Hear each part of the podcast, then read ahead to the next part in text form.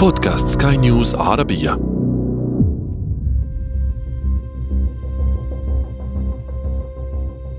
ترى كيف كان صوت الماضي؟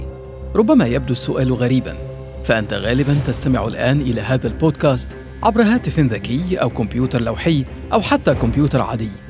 أصبح بإمكان جهاز صغير محمول باليد أن ينقل إليك أصوات من تريد في الوقت الذي تريد لكن لم يكن ذلك هو الحال دوما. إن كنت مثلي من محب التاريخ فبالتأكيد تستوقفك أحداثه وشخصيته وعندما تقرأ عن شخصية تاريخية ما تبدأ مخيلتك في رسم صورة ذهنية عنها. كيف كان أسلوبها، تصرفاتها؟ يزداد الأمر صعوبة ولكن تشويقا أيضا إذا لم يكن لتلك الشخصية صور أو تماثيل. فمجرد التفكير في شخص ما ليس له صورة يحفز عقولنا على أن نخلق له صورة في أذهاننا. كيف كان سيدنا آدم مثلا؟ ذي القرنين كريستوفر كولومبوس. لكن الأمر الأكثر صعوبة ليس تخيل شكل هؤلاء والذي عادة ما تلعب معلوماتنا وانطباعاتنا الشخصية دورا كبيرا فيه. الأمر الأكثر صعوبة هو تخيل صوت هؤلاء.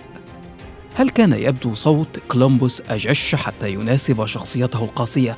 يقف ليواجه الهنود الحمر ويجبرهم على إمداده بما يحتاج. وإلا سرق منهم القمر. أو كليوباترا تتحدث بصوت هادئ ساحر فيقع في غرامها القيصر ومن بعده مارك أنطونيو. حتى في الميثولوجيا القديمة كانت أسطورة النداهة واحدة من أكثر الأساطير غرابة.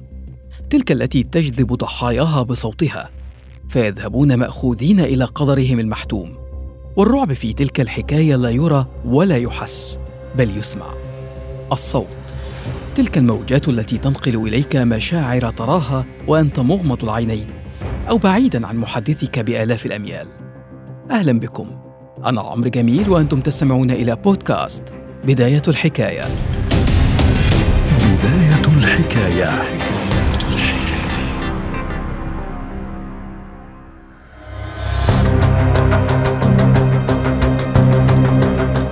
دعونا نتخيل أن مرضا يسببه فيروس قاتل انتشر عبر العالم. بدأ الأمر من مكان ما بالعالم وراح الفيروس ينتقل من شخص لآخر بسرعة.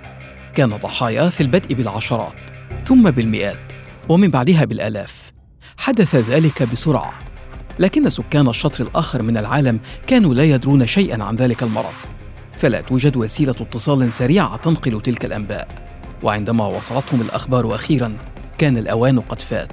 لاقى الآلاف ثم الملايين مصرعهم لأنهم تحركوا متأخرين. لم يكن ذلك السيناريو متخيلا بالكامل. في الواقع حدث كثيرا في عصور مختلفة من الجدري والطاعون المتكررة إلى الإنفلونزا الإسبانية. كانت طريقة التواصل الأساسية لدى البشر الصوت في تلك الأزمان محدودة بحدود الجدران. لم يكن التواصل الوحيد المحدود وإنما التاريخ أيضاً. نصوص تقرأها من دون أن تسمعها وشخصيات تقرأ عنها من دون أن تسمع منها. صحيح أن البشر منذ القدم حاولوا فهم كيف تخرج أصواتهم وكيف تسمعها آذانهم. درس فيثاغورث الأصوات في القرن السادس قبل الميلاد وتوقع أرسطو أنها أي الأصوات تتمدد في الهواء. وكتب المهندس الروماني ماركو فيتروفيو دراسة عن خصائص علم الصوت في المسرح. لكن علوم البشر ومعارفهم لم تنجح في فك طلاسم تلك الموجات إلا في القرن التاسع عشر حينها أحدثت الثورة الصناعية نقلة في وسائل النقل وبدأ طموح العلماء في نقل الصوت أيضا. توصل العالم الإسكتلندي جيمس ماكسويل إلى أن بإمكان الموجات الكهرومغناطيسية أن تنتشر في المساحات الحرة أي في الهواء. وبعدها تمكن العالم الألماني هنريتش هيرتز من إثبات نظرية ماكسويل الكهرومغناطيسية. اخترع بعدها جراهام بيل الهاتف الذي ينقل الصوت بين طرفين ثم جاء توماس أديسون ليخترع الفونوغراف. جهاز يمكنه تسجيل الصوت. أمكن للعالم وللمرة الأولى أن يحتفظ بتاريخه مرويا وليس مكتوبا فحسب. سجل أديسون في عام 1877 صوتا للمرة الأولى في التاريخ.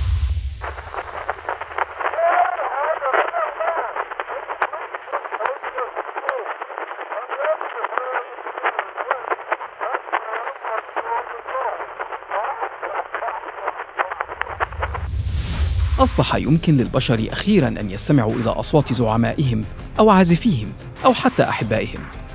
توالت الإنجازات بعد ذلك. فكر العبقري نيكولا تسلا في تصميم جهاز يمكنه نقل الصوت. ليس بين طرفين فقط كهاتف جوهان بيل ولا عن طريق تسجيله كفونوغراف إديسون وإنما عن طريق جهاز ينقل صوت شخص إلى مئات وربما الآلاف من الأشخاص في نفس اللحظة. الراديو. وبعد أربع سنوات فقط من تصميم تسلا للراديو أرسل الإيطالي جوليلمو ماركوني أول بث إذاعي في عام 1896 وكمعظم الاختراعات الأخرى استخدم الراديو في البداية لأغراض عسكرية في التواصل بين الجنود وعلى متن البوارج. لكن بمرور الوقت تم استخدامه مدنيا أيضا ليظهر وللمرة الأولى صوت بشري في راديو في الولايات المتحدة في عام 1906 Good evening. This is Professor Reginald A. Fessenden speaking to you from Brant Rock, Massachusetts, at the tower of the National Electric Signaling Company. I'm going to play an Edison recording of Handel's Largo. Next, I will play O Holy Night on the violin, followed by a short passage from the Bible.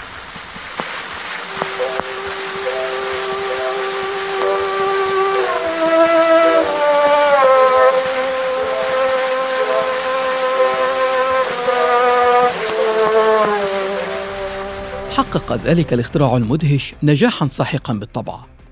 أدرك العالم آنذاك معنى أن تمتلك بثا يستطيع إيصال صوتك للآخرين. أصبحت موجاته قادرة على الوصول إلى الأرياف النائية والجبال المعزولة إلى المثقف والقارئ والمتعلم والأمي. أصبح الوسيلة المفضلة للسياسيين للترويج لأفكارهم وللمعلنين للترويج لمنتجاتهم. أدى ذلك لظهور إذاعات متعددة في كندا وأستراليا وبريطانيا President of the United States, I was present at the first Pan American Congress in Washington, D.C. of the building of an adequate merchant marine, of the opening of every highway and facility, and the setting up of every safeguard. To look at the politics of the day from the viewpoint of the laboring man,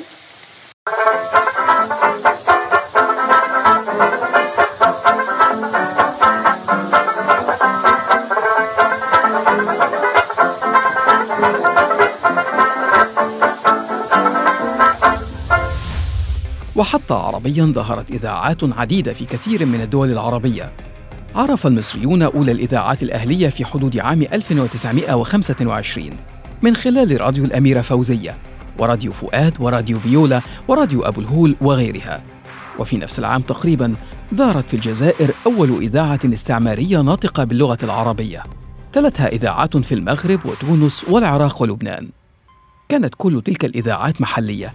وكانت أول إذاعة عربية حكومية رسمية هي تلك التي أطلقتها مصر في عام 1934 وتونس في عام 1935 ثم العراق بعدها.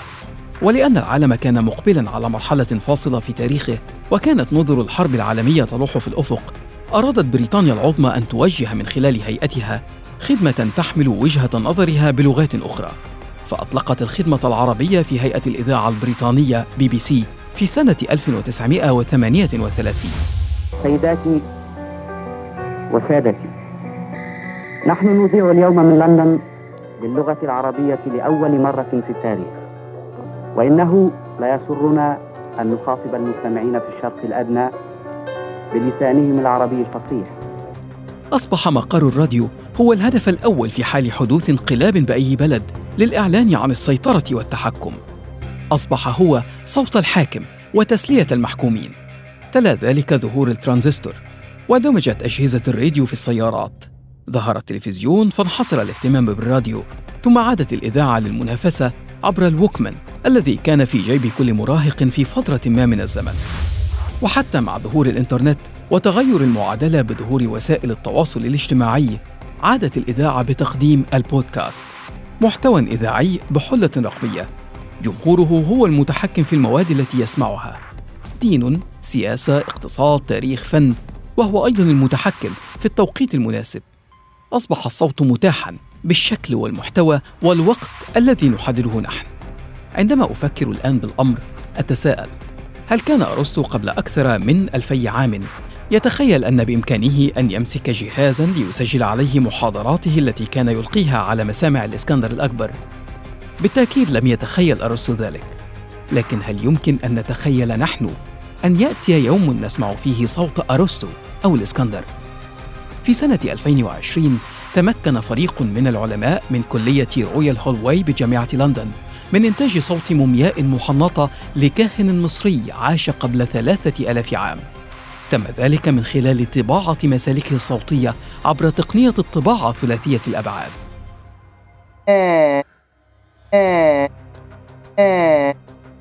كان ذلك الصوت الذي توصل إليه الفريق الذي اختار مومياء الكاهن المصري من متحف ليدز في المملكة المتحدة تحديداً لكون الأنسجة الناعمة في حلقه ومسلكه الصوتي سليمة إلى حد معقول. صحيح أن الفريق لم يتمكن من إنتاج سوى ذلك المقطع القصير لكن من يعرف ماذا يمكن أن يحققه العلم لاحقا يأمل الفريق في إعادة إنتاج المسلك الصوتي لرجل ليندو الذي عثر على بقاياه التي يبلغ عمرها ألفي عام في مستنقع في شمال إنجلترا. هل يمكن أن نتخيل ذلك؟ أن نستخدم الصوت لحل ألغاز الماضي؟ أن نستمع لأصوات من سبقونا بآلاف السنين؟ هل يمكن أن نتخيل أن يأتي يوم نمنح فيه التاريخ صوتاً؟ بداية الحكاية.